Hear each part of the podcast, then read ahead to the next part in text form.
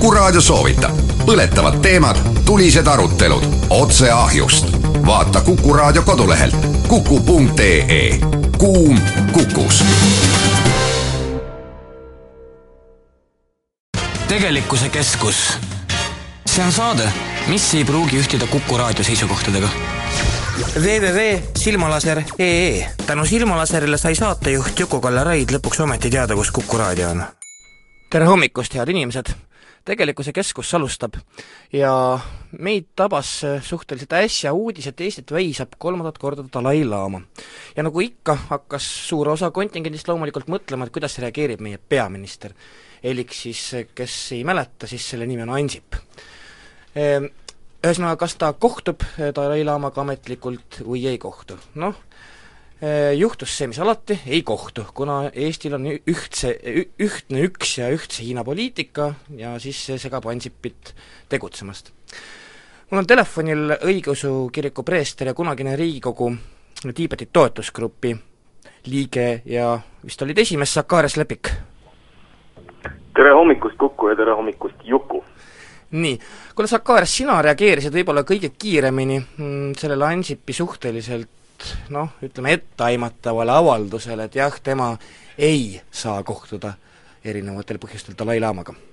no ma arvan, et, et see reageerimine oli selline täiesti minust tulenev ja, ja, ja pädev, sest mind hämmastas peaministri nii kiire seisukohavõtt. no see seisukoht oli tal ju, olgem ausad, see seisukoht oli ju enne valmis, no mis tal ikka seal võtta seisukoht oli enne valmis, aga minu jaoks oli kummastav see, et see seisukoht oli võetud enne valimisi mm,. Ühesõnaga see tähendab, see tähendab seda, et peaminister arvas, et ta on peaminister ka pärast valimisi noh, jah, ma arvan, et, et kui peaminister loeb kõikvõimalikke uuringuid, siis ta ilmselt nii arvabki. aga jah, et kusagil on mingid eh, head tavad ju olemas, vist Ansip nende järgi ei käitunud? no kui ma meenutan nüüd kahte eelmist äh, visiiti, visiidid on toimunud kümneaastase vahega, siis äh, ma ei mäleta ühtegi sellist äh, mm, välkkiiret avalikku sõnavõttu mitte ühegi valitsusliikme poolt, kes oleks kohe ütelnud ära, et ei, et äh, Dalai-laama jalutage kuskil Eestis Who the fuck is Dalai-laama, eks ju või midagi sellist, jah. noh, nad ei, nad isegi ei, ei suuda tulla selleni, milleni on noh, jõudnud Ameerika tradits-, Ameerika administratsioon USA administratsioon on öelnud, et nad kohtuvad, no nagu näiteks Obama viimati, et nad kohtuvad Dalai-laama kui tiibetlaste vaimse juhi, mitte kui äh, Tiibeti eksiilvalitsuse juhiga. no vot just, ja Dalai-laama on ju iga, igati rõhutanud ka, et, et ärge mind võtke kui eelkõige mingit poliitikut. just täpselt nii siinkohal oleks äh, paslik tutvustada äh, lugupeetud saatekülalist Sven Grünbergi, kes Dalai-laama visiiti organiseerib, tere Sven! tere! no miskipärast ma arvan, et sina väga ei imestanud, kui äh, selgus järjekordselt, et ametlikku kohtumist Dalai-laamaga ei tule, et äkki me läheme tülli hiinlastega, elik siis nagu Kurt Vonnegut ütles, väikeste kollaste robotitega, kelle kütuseks on riis. no mina nii dramaatiline siiski ei oleks ja, ja ma saan aru, et noored mehed ja kevad on tulemas ja ja lund sajab mees. ja no mis siis, aga Saaremaal olla juba nähtud äh, lumikellukesi ja nii edasi ja esimesi kuldnokki ähm,.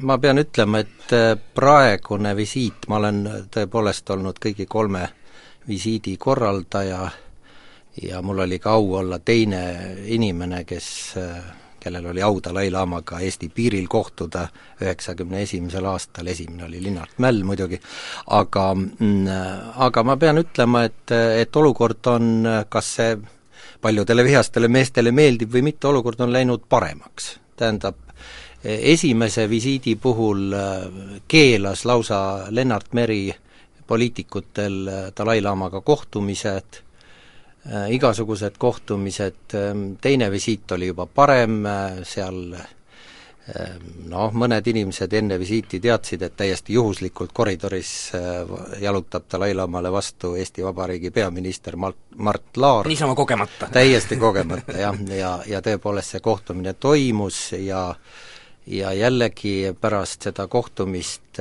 sai Laar ka kõvasti pahandada Lennart Meri käest, nii et, äh, nii et Eesti poliitikas ma ei ütleks, et, et praegu Ansip kuidagi kuidagi ilma teeks, sest, sest see on ikkagi traditsioon, kurvastav traditsioon on, on ikkagi Lennart Meri poolt algatatud omal ajal ja, ja, ja praegu ma pean ütlema, et läbirääkimised Dalai-laama visiidi korraldamise teemadel riigi tasandil on kulgenud ootamatult hästi isegi.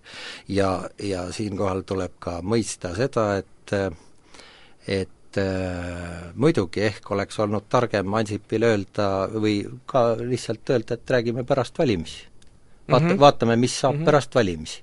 nii et, nii et võib-olla see reak-, reaktsioon äh, jah, oli nii või naasugune, aga aga ma ütleksin seda, et, äh, et üldiselt ähm, mitteametlike kohtumiste osas pole Eesti äh, tipp-poliitikud keegi ära öelnud siiani, kellega ma olen rääkinud ja ma olen väga mitmetega juba seda teinud, kaasa arvatud Tartu Ülikooli rektor ja Teaduste Akadeemia president, ka nemad on kõik nõus tulema ja olema ja nojah, see on siiski veidikene teine asi kui peaminister, eks ole ju, ole sa mis rektor iganes tahad.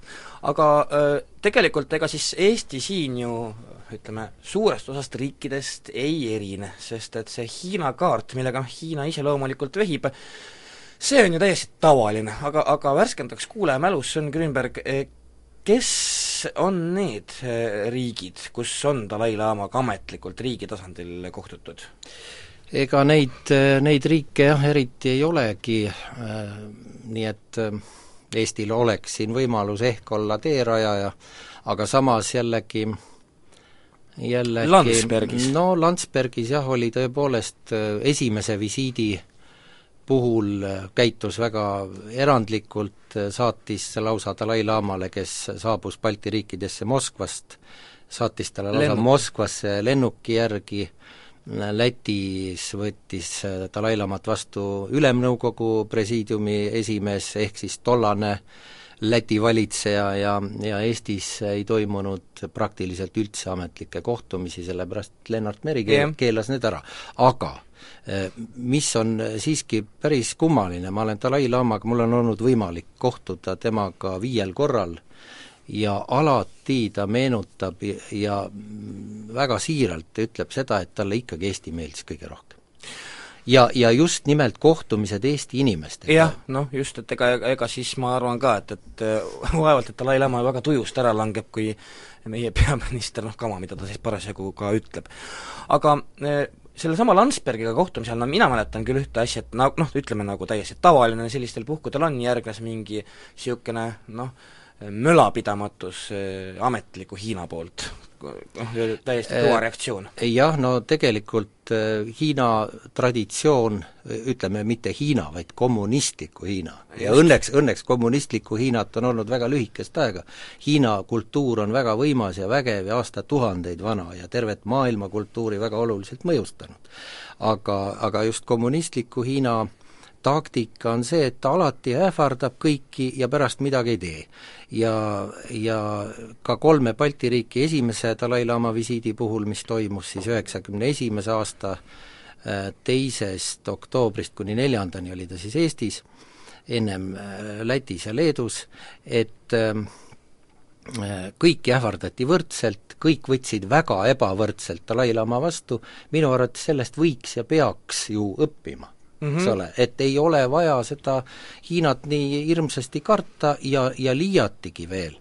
me ei peaks siin, siinkohal üldse rääkima mingist ühtse Hiina poliitikast, sest Dalai-laama ei taha ju Hiinast eralduda. absoluutselt, ta ei olegi seda, ta on just vastupidi rõhutanud, et Dalai-laama räägib autonoomiast ja, ja, ja selles, selles võtmes võiksime täiesti vabalt äh, Dalai-laamaga ikka, ikkagi siin äh, ka ametlikult vastu võtta, et et ta, e, see teema ei puuduta ühtse, ühtse, ühtse Hiina problemaatikat. no just nimelt, ja, ja tõepoolest, kommunistlik Hiina, seda tuleb rõhutada ja mida enam e, ma sellele mõtlen, seda enam mind hämmastavad Eesti sellised, ütleme, minuealised vasakpoolsed, poolsed tropid, kes kiidavad kommunismi, mõtlen siin Roy Striderit isiklikult eh,, kes ja justkui tei-, teisalt justkui siis väga nii-öelda austavad ja armastavad Dalai-laamat, Tiibetit ja kelle peas ei teki mõtet, et see on kuidagi skisofreeniline tegelikult. no selles on tõepoolest väga ja väga suur vastuolu, sest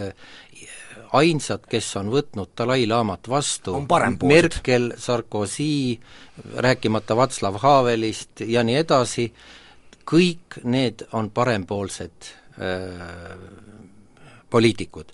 ja, ja kurvastusega peab siinkohal ütlema, et, et igal pool äh, Euroopas ja noh, Ameerikas mitte niivõrd, aga Euroopa sotsid on need, kes on alati suhtunud mõistvalt Puna-Hiina tegevusse. aga loomulikult, loomulikult, see, see ja on..., ja, ja kahjuks see, siinkohal tuleb ka seda öelda, et et kellest on koosnenud Tiibeti toetusgrupp, parlamendi toetusgrupp mm, -hmm. seal on, ka praeguses grupis ei ole mitte ühtegi sotsialisti mitte ühtegi ja neid ei ole ka kunagi seal varem olnud mm. -hmm. Mis on, mis on minu arvates väga ja väga kurvastav, sellepärast et äh, sotsialistid peaksid just ju tegelema väikeste ja kaitsetute ja oma retoorika järgi vähemalt, eks ole. just, aga, aga tegelikkus on näidanud absoluutset vastupidisust ja, ja kes, kes seal siis on Tiibeti toetusgrupis, on praegu on seal rohelised, Isamaaliit, ja, ja kaks reformierakondlast. no just, Sakarias Lepik, sina oled äh, küll praegu preester, aga sa oled ka Riigikogus tiksunud.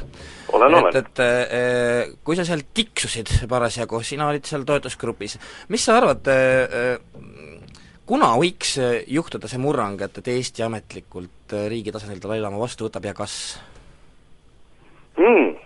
No ma ei tahaks olla hiromant, sellepärast et see on niivõrd keeruline suhete probleem, kui kui juba väga paljud äh, äh, poliitikud maailmas äh, ei saa aru sellest, et äh, ühe Hiina poliitika ei puuduta Tiibetit ajalooliselt, vaid ainult Taiwan'i küsimust, siis on juba sellest väga palju äh, noh, sellist äh, muret minu meelest.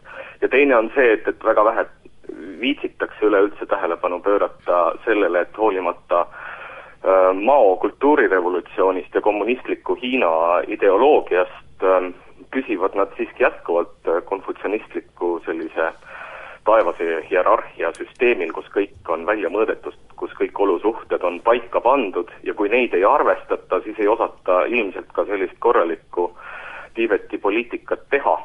nii et äh, mis saab tulevikus, ma arvan, et äh, Eesti poolt on ainult üks võimalik tee ja see on see, et Eesti valib väärtuspõhise välispoliitika. Seda praegu hetkel ei ole tehtud, hetkel Eesti kui väikeriik vastu Vene piiri kasutab oportunistlikult poliitikat, mis tähendab seda, et kõiki võimalusi tuleb kasutada. Ja nii nagu Lennart Meri, kui on vaja minna üle laipade, siis minnakse üle laipade. ja suhe suhe Tiibetisse, noh, Tiibet on ilmselt paljude Eesti juhtpoliitikute jaoks selline kaduvväike probleem, unustatakse ära Eesti enda olukord, Nõukogude Liidu rüpes ja sellest lahkumine. Ja millist abi Eesti sai?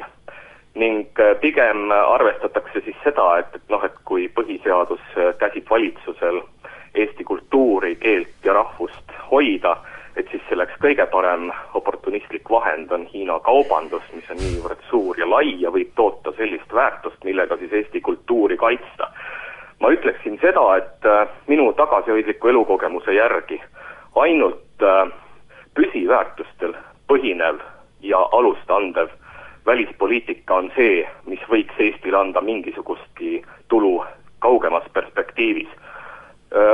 Homsesse ja ülehomsesse vaadates see on kitsarinnaline lähenemine välispoliitikale, nii et äh, mina soovitan Eestile ja Eesti Välisministeeriumile tegeleda väärtuspõhise poliitikaga ja sel puhul ei maksa karta, nii nagu ma loen Hiina propagandaportaalist raadio kaheksakümmend kuus dot com, ähm, kuidas on siis äh, Hiina välisministeerium ähm, Dalai-laama kohtumisele Barack Obamaga reageerinud.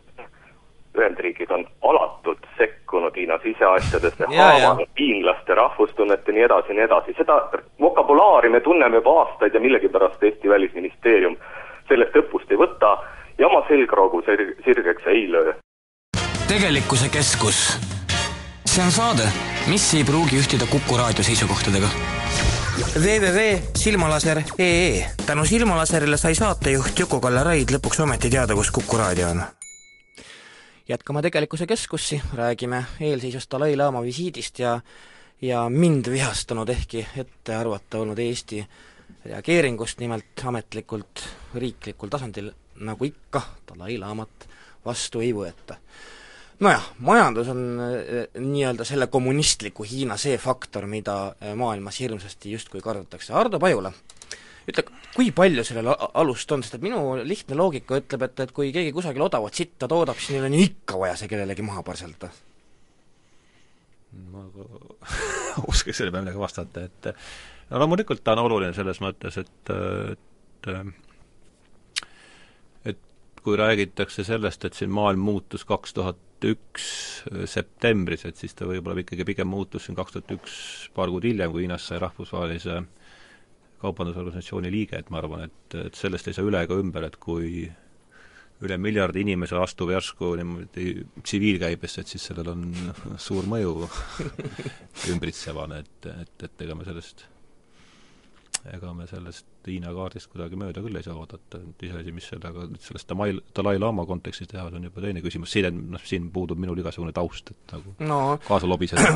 kutsume siis appi Ardo Aasmäe, kellel oli eile kuuekümnes juubel, kellel on pea kammimata, kes näeb si-, siiski suhteliselt värske välja. Ardo Aasmäe, mis sa arvad, kas Hiinat on mõtet nii palju karta, nagu seda praegu tehakse? no Hiinaga on võib-olla mina olen siin stuudios, mulle tundub, vaata, et kõige revolutsioonilisem selles mõttes, et et kui me vaatame Eesti ja Hiina suhteid, siis noh, ütleme see, et seda Dalai-laamat kuidagi peljatakse ja peljatakse Hiina reaktsioone, see on niisugune jääknähtus Lennart Meri ajast. Ja minu meelest ei ole seda Hiina poliitikat meil päris läbi mõeldud, sest just kui me hakkame mõtlema seda, et mis siis Hiinast kasu on, see, et Hiina kolm ladvikut on käinud Eestis äh, ja see on Euroopas ainukene riik, kus kolm tippmeest on Eestis käinud ja tegelikult nad käivad ainult ühe asja pärast. Nad tulevad siia ja tahavad kuulda, et me toetame ühe Hiina poliitikat. no just nimelt. nii, see on ainuke, mis nad tahavad. nüüd samal ajal nad teevad noh, mingit sedalaadi asju, et kui me hakkame mõtlema, siis kummale on kumba rohkem vaja. hiinlased müüvad meil siin oma kaupa, eks ole, ja, ja tegelikult me maksame Puna-Hiinale selle kauba eest ja, ja, ja see tähendab seda, et sisuliselt ja vaata, et Hiinal on meid rohkem vaja kui, kui, kui, kui meil Hiinat, kuigi me oleme nii väikesed, noh Hiina seda nii nagu ei tunnegi mm. -hmm. ühel hetkel, eks ole, oletame, et me seda noh, kiiresti õmblusi ära andvaid ilpe, eks ole, ei osta ja, ja nii ongi.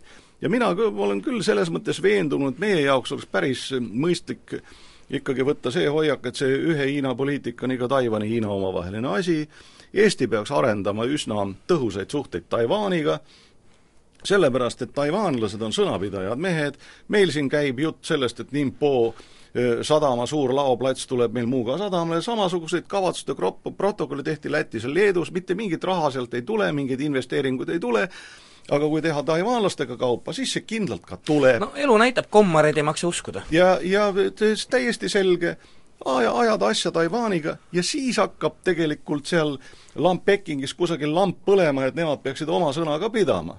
Ja, ja Dalai-laama puhul on ju täiesti selge, kui nemad, noh, Dalai-laama on vaimne juht, no see on, see on umbes, umbes samasugune lugu, nagu mõnes kohas öeldakse, et me ei võta Rooma paavsti vastu, sellepärast, et noh, kusagil ei sallita katoliiklust või kusagil on ilmalik riik mm. -hmm. ja, ja ses mõttes noh, mis, mis me siin omavahel salgame, eks ole, see, et Dalai-laama puhul ja mis on Pekingis muidugi läbi nähtud, et see autonoomia taastamine, mis meil, mis neil viiskümmend üheksa ära võeti, see on pigem taktikaline samm, Hiina on väga šovinistlik, ta püüab Tiibetit ümber rahvastada ja selge on see, et sellise rahva ja kultuuri säilitamise kõige kindlam viis on nagu Eestilgi, tuleb teha oma riik mm. -hmm. aga, aga seda oma riiki ei saa järsku teha, tuleb lihtsalt teha vahesamm. ja see on lihtsalt taktika küsimus, Pekingis saadakse kõik aru, aga meie peaksime seda toetama, mina näeks hea meelega seda, et et Tiibet oleks iseseisev riik, Lennart Meri kunagi selle ühe Hiina poliitikaga rikkus meie suhted ära Kasahstaniga, sellepärast et Kasahstan on väga huvitatud, et tekiks taas uuesti ka e, e, Ida-Turkestan, eks ole, mis neljakümne üheksandal aastal või viiskümmend ära kaotati. viiskümmend üks. no kui kommunistid võimule tulid, no ütleme sellel ajal, oli ta siis viiskümmend üks, no see oli tips hiljem ja, ja niipea, kui Lennart Meri Pekingis seda ütles, ei saanud enam Nazarbajeviga asja ajada. niisuguseid, vot, vot seal tuleb tegelikult see, mis on kasu ja kahju. ja mina näen praegu seda, et kui hiinlased, näiteks meie peaminister võtaks Dalai-, Dalai-laama vastu ja hiinlased saadaksid nii, nagu kolmkümmend aastat tagasi Ameerika Ühendriikidele kolmesaja kuuekümne kaheksanda viimase tõsise hoiatuse, mis siis, eks ole. las saadavad, just nimelt. las saadavad. ja kõik on äh, õige. Äh, muuseas, kuulajale teadmiseks, et äh, Eesti, meie parlamendis, Riigikogus toimetab niisugune tore ühendus nagu Eesti-Hiina parlamendirühm. seda juhatab seltsimees Kalev Kallo, keda mina telefonil kätte ei saanud, ma lihtsalt tahtsin et ta osaleks selles saates ja noh, ta lihtsalt ei võta toru, tema number muuseas, kirjutage üles, on viiskümmend, viisteist, kuus, seitse, kaheksa, ma ei tea, äkki teie saate selle kätte, selle kuradi Kallo, eks ole ju. aga Kallo asemel tabasin ma ühe äh, Eesti-Hiina parlamendirühma liikme, oma vana tuttava Igor Gräzini, kes on kusagil autos ja Jõgeva kandis, tere Igor! tere, mitte kusagil, vaid päris kindlas kohas, siit vasakule kümme kilomeetrit on umbusi, kust on pärit äh, Buda munk Tõnisson ehk vend Vahindra, kes ühena esimesena tegi palverännaku Lhassasse, nii et see ei ole mitte ükskõik kus, vaid see on Eesti budismi sünnikoht, kus ma praegu olen. vend Vahindra oli ka see, kes äh, taotles Tallinna politseiülemalt luba, et tema hüppab alla Pritsumaja tornist, mille peale talle vastati, et, et luba antaks küll, aga ennem hüpaku alt üles. ja tema tahtis, ja tema tahtis luua budistlikku panbaltooniat, kus elasid ainult mehed ja muide, olgu öeldud, et umbuses on sündinud ka minu akadeemiline õpetaja, professor oh, Salmen Õnnik. nii juubilarid istab. Eh, kuule äh,, Igor, mis asi see kuradi Eesti-Hiina parlamendirühm õige on? no see on selline, nagu neid ikka on mitmesuguseid ja, ja ta on selles mõttes, kuidas nüüd öelda, noh, need inimesed osaliselt vaadete, osaliselt noh, poliitilise kohuse järgi või need, kes püüavad kõikvõimalikest teistest riikidest aru saada ja nendega hästi läbi saada ja Hiina rühm on siis noh, ütleme kuidas, kuidas on võimalik hästi läbi saada kommunistliku Hiinaga? Gräzin, sa oled selle ala spetsialist. ei, ei, väga hästi on võimalik nendega läbi saada, probleeme nagu niisuguseid suuri ei ole. nüüd see Dalai-laama on nagu natukene teema, aga muudes asjades nagu väga ei ole. kuule, aga seal on, seal on, et kuna meil on ühtse Hiina poliitika, kas selle parlamendirühma töö hulka käib ka suhete arendamine Taiwaniga? ei, selle jaoks on teine rühm kuulge, kuulge sõbrad, kas te ei ole, kas te ei tea, kuidas töötavad parlamendid? tähendab, parlamendis võivad väga hästi olla, kuule, ma ütlen sulle veel hullemat, meil on ju rühm saadikuid, kes toetab kurat Palestiina iseseisvat riiki ja ma ei tea, mida iganes, meil on igasuguseid asju olemas. nii et on aeg, tagumine aeg luua Põhja-Koreaga see Põhja-Korea parlamendirühm. ei, ei, kuulge, nali naljaks, vaadake, kui valitsuse poliitika peab olema üks ja järjekindel, siis parlamendi tasemel no ma ei kujuta ette, et, et Eestis saaks olla parlament, kes ametliku Hiina ka noh, üldse ei tegele. no nüüd sa läksid absurdi, eks ole, seda ju keegi ei nõua, küsimus oli Dalai-laama visiidis. umbes nii, tähendab, juba läks, eks ole, seltsimees Kallo, kuradi Kallo ei vasta, nii edasi, anna andeks. anna andeks, poisid, poisid, tulge mõistusele, tulge mõistusele. Igor, kuule, kas sina arvad no., Ansip tegi õigesti, et ta äh, Dalai-laamaga ei kohtu? ma arvan, et ta oleks võinud selle ütlemata jätta. sellepärast, et küsimus on selles, et me ei saa ju teada, kes tolleks hetkeks on peaminister, see on number üks. Teiseks, milline on meie poliitika number kaks ja number kolm, sellega ta avas tegelikult Pandora laeka, näiteks ühesõnaga Dalai-laamaga hakkas ootamatult tegelema Juhan Parts. kujuta ette, Parts tegeleb Dalai-laamaga. Parts on meil muuseas natukese aja pärast ka telefonil. kuule, kuulge, küsige, kas ta Dalai-laama asemel võiks tegeleda näiteks Aleksei Milleriga, Gazpromi direktoriga, vot seda ma toetaks kohe, mina oleks Gazpromi sõprade ühingu liige, et, et Eesti gaas poole odavamaks saaks see on lihtsalt noh, üles kistud mingisugune täiesti noh, no story, tähendab e, ei ole Igor, ei ole, ei ole tegelikult, Sakaris Lepik rääkis siin millestki noh, sinu rääkis. kui küüniku jaoks võib-olla arusaamatut juttu väärtuspõhisest poliitikast. muide, ta rääkis ka enda jaoks väga segast juttu, asi on nimelt selles, et, et Sakarias Lepik kujutab endast mingisugust eh, noh, sellist eh, noh, õigeusu versiooni, mis ei lange enam pühakirjaga kokku, nii et noh ja kas, kas püha, pühakiri on, ei ole, mida me pühakirjaks peame, kas Mao Zedongi punast raamatut, eks ole, või piiblit? ei, me peame, mina pean Uut Testamenti. aga no hea küll, noh olgu, Sakarias on selline nii, nagu ta on ja ma kuulsin, kuulsin, mis ta rääkis, ei noh, lasku käia, ega jumalukene, igalühel on õigus oma arvamusele. ja see, et on olemas mingi punt inimesi, kes noh, on võimelised nägema seda positsiooni, mis on olemas käesoleval Hiina režiimil, neid sellepärast noh, pidada ei tea mis Hiina sõpradeks või midagi, noh, no kuulge, ma nüüd, hoidku jumal, ma ei õigusta Hiinat ühegi kandi pealt ja kommunistlikku režiimi veel kõige vähem, aga Hardo ütles ju tegelikult õige käigu, tähendab, ega idee ei ole ju mingis vaimses ümbersünnis või budismi levitamises, küsimus on konkreetselt riigi loomises separatistlikus Hiina provintsis. kas on tõesti raske aru saada, et võib olla nagu loodi Eesti riik separatistlik Eesti Vene provintsis, eks ole ju? no vaata, me ei saa eluaeg nüüd kah põdeda, sellepärast et meile, meid keegi omal ajal aitas. ära unusta muide seda, sõber. oi sa kurat, kui küüniline sa oled. ei, ei, Soome ja Rootsi ei tunnustanud Eesti iseseisvust veel kolm-neli päeva pärast seda, kui augusti sündmused olid ära toimunud no Soomest on ettevaatlikud, see on tõsi, jah. meid tunnustasid ainult USA ja Inglismaa. Rootsi oli esimene, kes meie kulla ära andis ja nii edasi. nii et aitäh läänele toetuse eest. aga see oli väga tingimuslik ja väga tinglik. ärge unustame, et lõppkokkuvõttes Tallinnast kõigest kaheksakümne kilomeetrit eemal kirjutati alla äh, Helsingi lõpp-pakt, millega Eesti kuulumine NSV Liitu põhistati kõikide no suurriikide poolt igaveseks. On küll nii, on küll nii, aga näed no,, situatsioon muutus, sõbrakene, ja, ja, ja Eestit toetati selle peale no, Igor Vait. kuule, kas, issand jumal, Eesti on esimene, kes hakkab toetama iseseisvat Tiibetit pärast seda, kui seda on toetanud sada viiskümmend ülejäänud riiki. oi-oi-oi-oi, kuule, Sven Grünberg, kuidas sa Igor Gräzinit kommenteerid? ei no kuule, oota oot, oot, sina ei ole Sven Grünberg, ma küsisin Grünbergi käest. kus Sven Grünberg on? ei no mis siin, mis siin kommenteerida, jah, eks, eks vana kuradiga tuleb ka asju ajada no, selles, selles mõttes, selles mõttes ma olen isegi mingil määral sellega kõigega nõus. aga küsimus on ju selles, et Dalai-laama räägib järjepidevalt autonoomiast, hiinlased raiuvad vastu, et ta ei räägi autonoomiast, et räägib, räägib mingisugust separatistlikku juttu, no Dalai-laama räägib ju autonoomiast, see tähendab, et küsimus ei ole üldse mitte Hiina lõhestamises, vaid, vaid Dalai-laama räägibki sellest kui Hiina siseprobleemist, järelikult ei tohiks Dalai-laama Äh, vastuvõtmine ju ka meile, meie ühe, ühe Hiina või ühtse Hiina poliitikat kuidagi riivata no läänemaailm on muidugi huvitatud Hiina lõhenemist, oleks ju väga hea, kui yeah. oleks Põhjariik, Keskriik ja Lõunariik, Voodel oleks Shanghais oma, see on ajaloos enamasti nii olnud, ühtset Hiina riiki noh, on olnud väga vähe aega, nii et iseasi on see, et me poliitilisel tasandil sellest ei kõnele, sest poliitikas on omad reeglid, aga stuudios me võime kõneleda. muidugi võime ja, ja Ardo Pajula tahtis sõna sekka öelda. lihtsalt kuulge, kas me majandus Gräzin, kurat!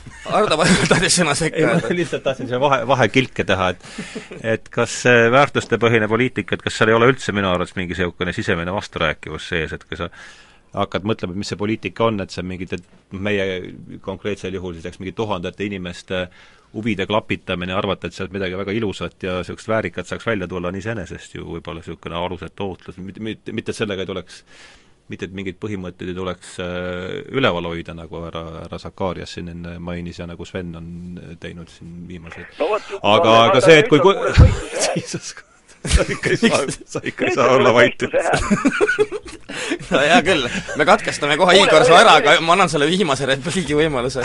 nii, minu viimane repliik on see, ma igaks juhuks rõhutan veel kord, need inimesed, kes arvavad, et Hiinaga tuleb rääkida, milline ta ka ei oleks, tähendab, need ei ole hullud, see on punkt üks, punkt kaks. ma tahaks korrigeerida ära faktilise vea. tähendab, see, mis sa ütled Hiinas toodetava sita kohta, siis see sitt on sul särgina seljas ei ole kusjuures. mängivad selle Hiina, selle Hiina Ameerikas sa ei osta mitte ühtegi mänguasja, mis ei ole Hiinas tehtud. ma üldse ostan vähe mänguasju. nii et, äh, nii et ma arvan, et sellest ajast äh, on palju mööda läinud, kui Hiina tootis ainult ketse muide väga häid okay. nii et ma arvan, et puht tarbija seisukohalt ei ole Hiina kaup sugugi mitte nii halb, et seda ei tasu osta. Hiina Nokia, Hiina kets. tegelikkuse keskus.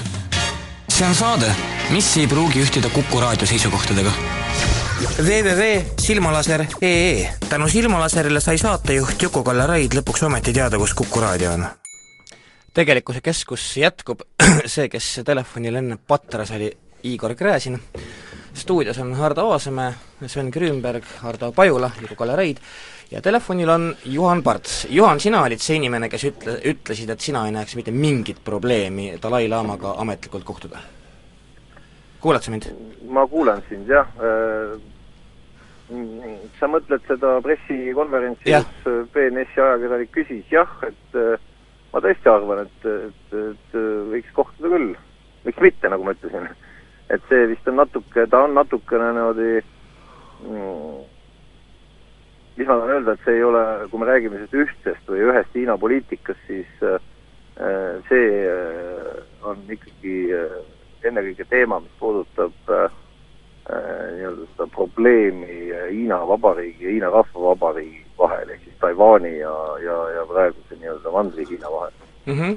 et ma arvan, et see Dalai-laama küsimus äh, ja nii-öelda meie noh, ma üheksakümnendate aastate niisugune poliitiline deklaratsioon, äh, see on tegelikult kuidagiviisi nagu ühte pusasse seotud, mis ei ole päris õige ja teiseks äh, ma arvan, et äh, ega siis Eestis me võime ju kohtuda Dalai-laamaga kui väljapaistva inimesega, vaimse liidriga ja nii edasi, nii et noh, ma, ma, ma, ma usun, et ma küll teie saadet ei ole saanud kahjuks jälgida, aga, aga mis te seal olete kokku rääkinud, aga, aga üldiselt äh, äh, miks mitte, et on ju ka kohtud, Mart Laar kohtus peaministrina. juhuslikult et, äh, koridoris, nagu me meelde tuletasime. noh, vot see, kuidas seda öelda, et ega siis ütleme, äh, ega Dalai-laama ei ole ju Eesti valitsuse ametlik külaline, Dalai-laama, ma saan aru, on ikkagi meie budisti, budismi instituudi külaline, nii et mm -hmm. no ja kui sina ütled tõesti, et miks mitte, siis äh, siin Sakaarias Lepik algul rääkis niisugusest asjast, nagu on väärtuspõhine äh, välispoliitika. mis sa arvad, kas Eesti välispoliitika on väärtuspõhine? No see on, äh, selle kohta võiks sa Juku teha paar saadet enne valimisi vähemalt, et, et räägiks ükskord selle selgeks, et no ei saa olla äh, mida, mida selle all mõeldakse, et ega siis poliitika ülesanne on ikkagi äh, suhelda ja avalikult suhelda ennega, ennekõike seal ja, ja nendega, kus võivad olla probleemid või kus on erimeelsused. et see noh, tavaliselt kui keegi ütleb väärtuspõhine välispoliitika, siis ta umbes võrdsustab sellega, et me käime kuskil Brüsselis, joome kohvi ja teed ja, ja oleme koos ainult oma sõpradega. et ma arvan, et see, see on üks, teine noh, igasuguse riigi välispoliitika peab ikkagi lähtuma rahvuslikest huvidest, et ja, ja, ja loomulikult ta peab baseeruma teatud äh, väärtustele, ei saa ju aga, aga, aga noh, ikkagi rahvuslikud huvid on ikkagi ka Eesti suuruse riigi puhul väga tähtis lähtekoht, aru saama, et äh, kus on meie rahvuslikud huvid ja me peame suhtlema nendega äh,, kes võivad meid ühte või teistmoodi mõjutada. hea küll, Juhan, aga, aga mis sa arvad äh,, kas noh, mitte ainult Eesti, vaid, vaid see puudutab ikka suures osas kogu maailma hirm eh, selle kommunistliku Hiina ees ei ole mitte tiba üle paisutatud?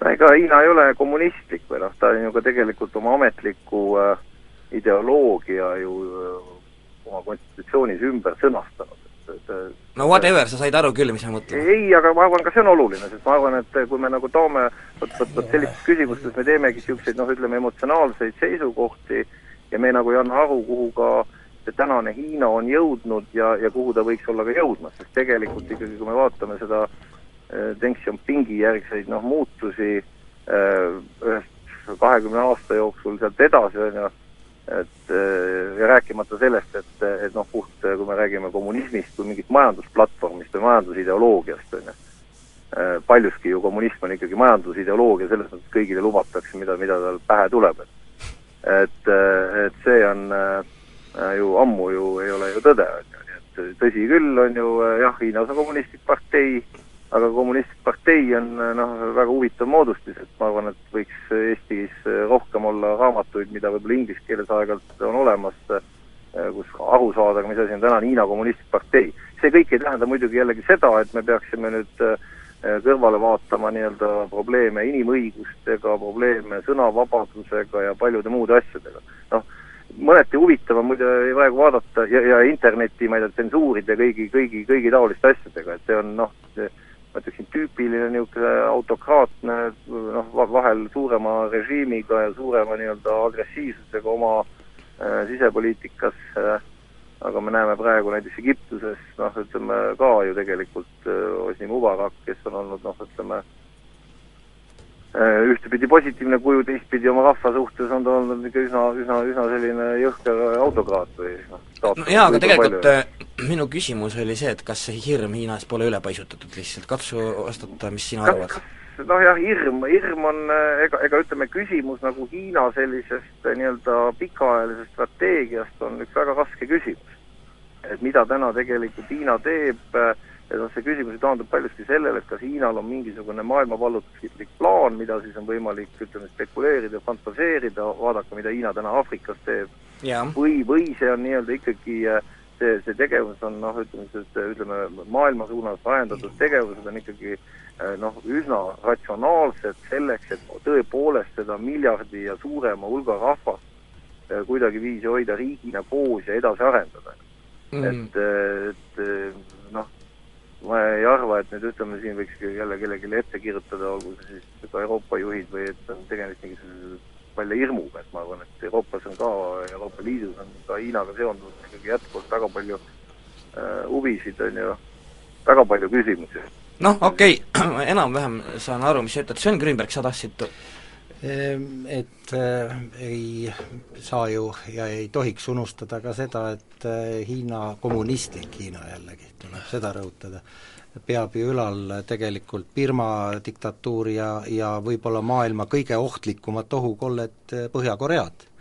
ja, ja, ja sellest ei tohiks mitte kuidagi ju mööda vaadata ja ütleme, Aafrikas kõige võikamad ja verisemad diktatuurid saavad ju ka ikkagi sealt eeskätt äh, toitu ja natukene sellega ma polemiseeriks ka, et et äh, ja see on kahjuks läänes üsna levinud, et öeldakse, et oi, et Hiinas enam ei ole kommunismi, on ikka küll.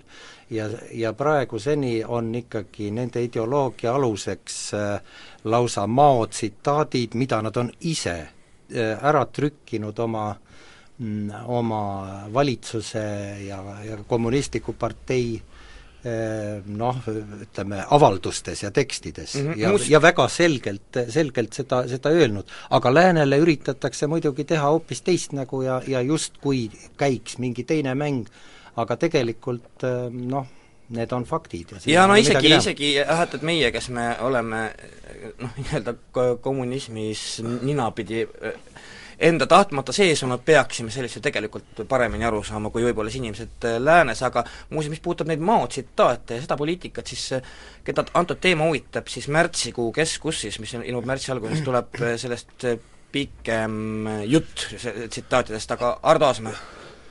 no kui me ikkagi Hiina iseloomu mm, analüüsime, tänase päeva seisu, siis tuleb öelda ikkagi seda, et et lääne reaktsioon Hiinas toimuvale on eh, paljuski sarnane sellele, eh, mismoodi lääne ühiskonnad ja muide ka valgekaartlikud ringkonnad reageerisid Lenini nepipoliitikale, sest kahekümnendate aastate keskel ju täiesti tõsimeeli räägiti läänes, et et see kommunism noh, et ta ei saa oma asjadega hakkama ja et vaat niisugune evolutsiooniline tee mm, muudab noh, seda enamlikku Venemaad nüüd seal tuleb lihtsalt öelda, et, et Venemaa enamlased olid niisugused kärsitud, sest Hiina noh, mõtleb igavikuliselt, ja praegu vaadates, mida Deng Xiaoping tegi ja mida praegu tehakse, on see täpselt see ne-, Lenini nepi poliitika, millest saab, millest saab osa kusagil kakskümmend, kakskümmend viis protsenti Hiina ühiskonnast, see on see õitsev rannik, ja e, peamine erisus on see, et hiinlased on seda teinud natuke targemalt.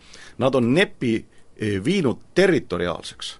teatud piirkondades on nepp lubatud ja mujal see noh, miljard Hiinat on ju täiesti alla käinud, noh räägime absoluutselt nepivaba, igasuguse nepivaba. ja, ja, ja nüüd on niisugune olukord, et et see võimaldab kanaliseerida sotsiaalseid pingeid. sest Venemaal tekkis ikkagi see probleem, et vot, et nepmanid elasid paremini ja ümberringi oli siis see vaesunud, vaesunud ideeliselt töödeldud siis töörahvas, aga Hiinas on lahendatud niimoodi, et kes tahab elada nii-öelda kapitalismis ja turumajanduses, mingu vabamajandustsoonidesse, pürgigu edasi, saagu osa sellest eh, nepist ja küsimus on selles, kui kaua Hiina seda neppi peab.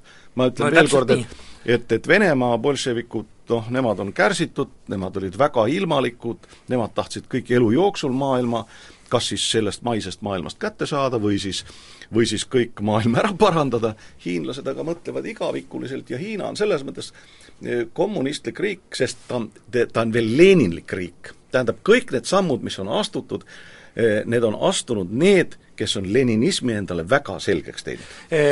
Hardo Pajula. ma lihtsalt võib-olla eelkõnelen, et veel kord, see ei ole päris minu teema ja kui sa juba kutsusid, eks ma siis kobisen midagi. et et ka-, kahe võib-olla siin mõlemale saatekülalisele natuke vastu vaielda ühe koha pealt, selle e-, eelkõige muidugi nimekaimul, et mina iialgi ei usu, et Lääs oleks huvitatud sellest, et euro, et Hiina laiali laguneks, vastupidi, et kui Hiina peaminister käis kevadel siin, siis üks argument, mida ta kasutas just selle vastu, ütleme, selle vastu, kuhu siis ameeriklased teda, Hiinat suruvad, et, et Hiina peaks oma kurs, valuutakursil lasta tugevneda, on just see, et, et, et kui me kui me laseme kursil tugevneda, siis see toob kaasa endaga ka sellised sotsiaalsed äh, plahvatus Hiinas, et, et Lääs on kindlasti seal huvitatud minu arvates eelkõige stabiilsusest. nüüd teine asi võib-olla Svenile, et ma ei ole päris kindel selles, et kas see on ikka edasiminek, kui sa ütlesid, et see, et äh, Lennart Meri ütles, Meri ütles, et ei kohtu, see on väga selge, eks. me võime vaielda, et kas see on, kas see mulle või sulle või Jukule või Ardo Aasmäele meeldib, aga minu meelest see nagu vingerdamine, et saame seal kusagil koridoris kokku, eks, et see, ma ei ole, ma ei ole päris kindel, et kas see on edasiminek, et ma isegi ei vaidleks vastu, pigem ma tõstaksin selle küsimuse üles. no mina, ma jään siiski enda juurde, see, ma arvan, et kunagi varem ei ole siiski Eesti valitsev eliit suhtunud niivõrd positiivselt Dalai-laama visiiti kui, kui praegu, mul on väga hea võrdlus olemas. ja, ja, küsimus on selles, et varasemalt, eriti esimese visiidi puhul Lennart Meri lausa keelas kohtumised, ka pimedates koridorides nii-öelda. Mm.. ja, ja väga oluline on öelda seda siin, et Dalai-laama on ise pidevalt rõhutanud, et ta ei taha kellelegi probleeme valmistada, ta pigem siis ei tule, kui tekivad suured probleemid mm. -hmm. ja, ja tema enda väljaütlemised on olnud sel teemal noh, äärmiselt vaoshoitud, eks ole, nii et ma, ma arvan, et kui toimuvad ka, ja, ja Dalai-laama on öelnud seda ka ise, et, et ei ole tähtis, kas need on ametlikud või mitteametlikud kohtumised. temale ei ole tähtis mm. -hmm. ma saan aru, et me arutame ka siin pigem noh, nii-öelda sisepoliitiliselt, et kas meil on vaja luua väärtuspõhine poliitika, eks ole, see on, see on nüüd omaette teema ma olen sellega nõus ja me peame siseriiklikult seda teemat arutama, aga nüüd, kui vaadata Dalai-laama poolt, eks ole, siis tema jaoks on ikkagi tähtis see, et teda toetatakse, et teda võetaks vastu, kas või juhuslikult jalutab Mart Laar talle koridoris vastu või, või palun väga, kui järgmine peaminister on Andrus Ansip, miks ka mitte, kui ka tema koridoris vastu jalutab, siis Dalai-laamale on sellest küllalt. kuigi meile ei pruugi sellest küllalt olla ja need on kaks eri asja mm nii, mulle vahepeal toodi teisest toast paber, kuhu peale on kirjutatud helistas Raivo Järvi, kes on Taiwan'i rühma liige ja tahab ka saatesse sekkuda. Raivo, me ilmselt, ma arvan, et, et seda teemat äh, me käsitleme kindlasti edasi, ma kindlasti kutsun sind saatesse, aga asi on lihtsalt selles, et praegu on umbes üks minut saate lõpuni ja Ardo Aasmäe veel. mina tahaks oma nimekaimu täiendada, kes ütles, et võib-olla Lääs ei ole väga huvitatud Hiina nõrgenemisest. Lagu-, lagunemisest. lagunemisest, siis ähm, ütleme niimoodi, et see on pigem sõnade mäng, sellepärast et Hiina teeb ikka majandustumpingut ja ja kui ikkagi konkurent ikka jääb nõrgemaks, see on ikka ainult hea. see on ikkagi tema taltsutamiseks ja kokkuleppimiseks igal juhul hea. ja tegelikult ikka, kui nende Hiina riigi asemel on viis riiki, näiteks kui Wude riik ole oma üheksakümne miljoniga Shanghai ümber, siis ta oleks sisemajanduse kogutulu arvestusel kuues riik maailmas mm. -hmm head sõbrad, me lõpetame tänaseks selle saate, saate lõppu jääb mängima Sven Grünbergi muusika, Mila Reepa laulud, Tiibeti pühaku tekstile Sven Grünbergi muusika, tänavalt siis saates katsume järjekorda peale, kõigepealt Sakarias Lepik telefonil, siis telefonil Igor Gräzin, kes oli väga naljakas. Siis oli meil Juhan Parts, kellele aitäh, ja stuudios olid Ardo Pajula, Juku-Kalle Raid, Sven Grünberg, Ardo Aasmäe kõike paremat!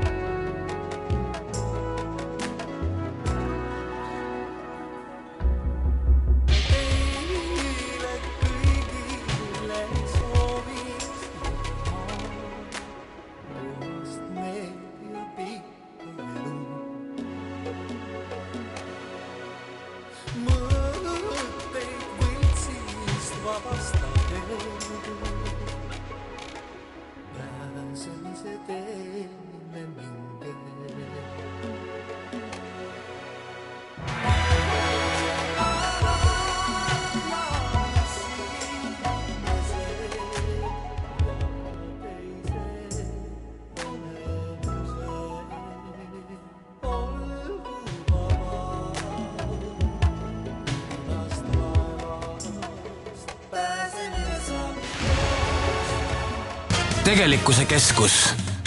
see on saade, mis ei pruugi ühtida Kuku raadio seisukohtadega. www.silmalaser.ee tänu Silmalaserile sai saatejuht Juku-Kalle Raid lõpuks ometi teada, kus Kuku raadio on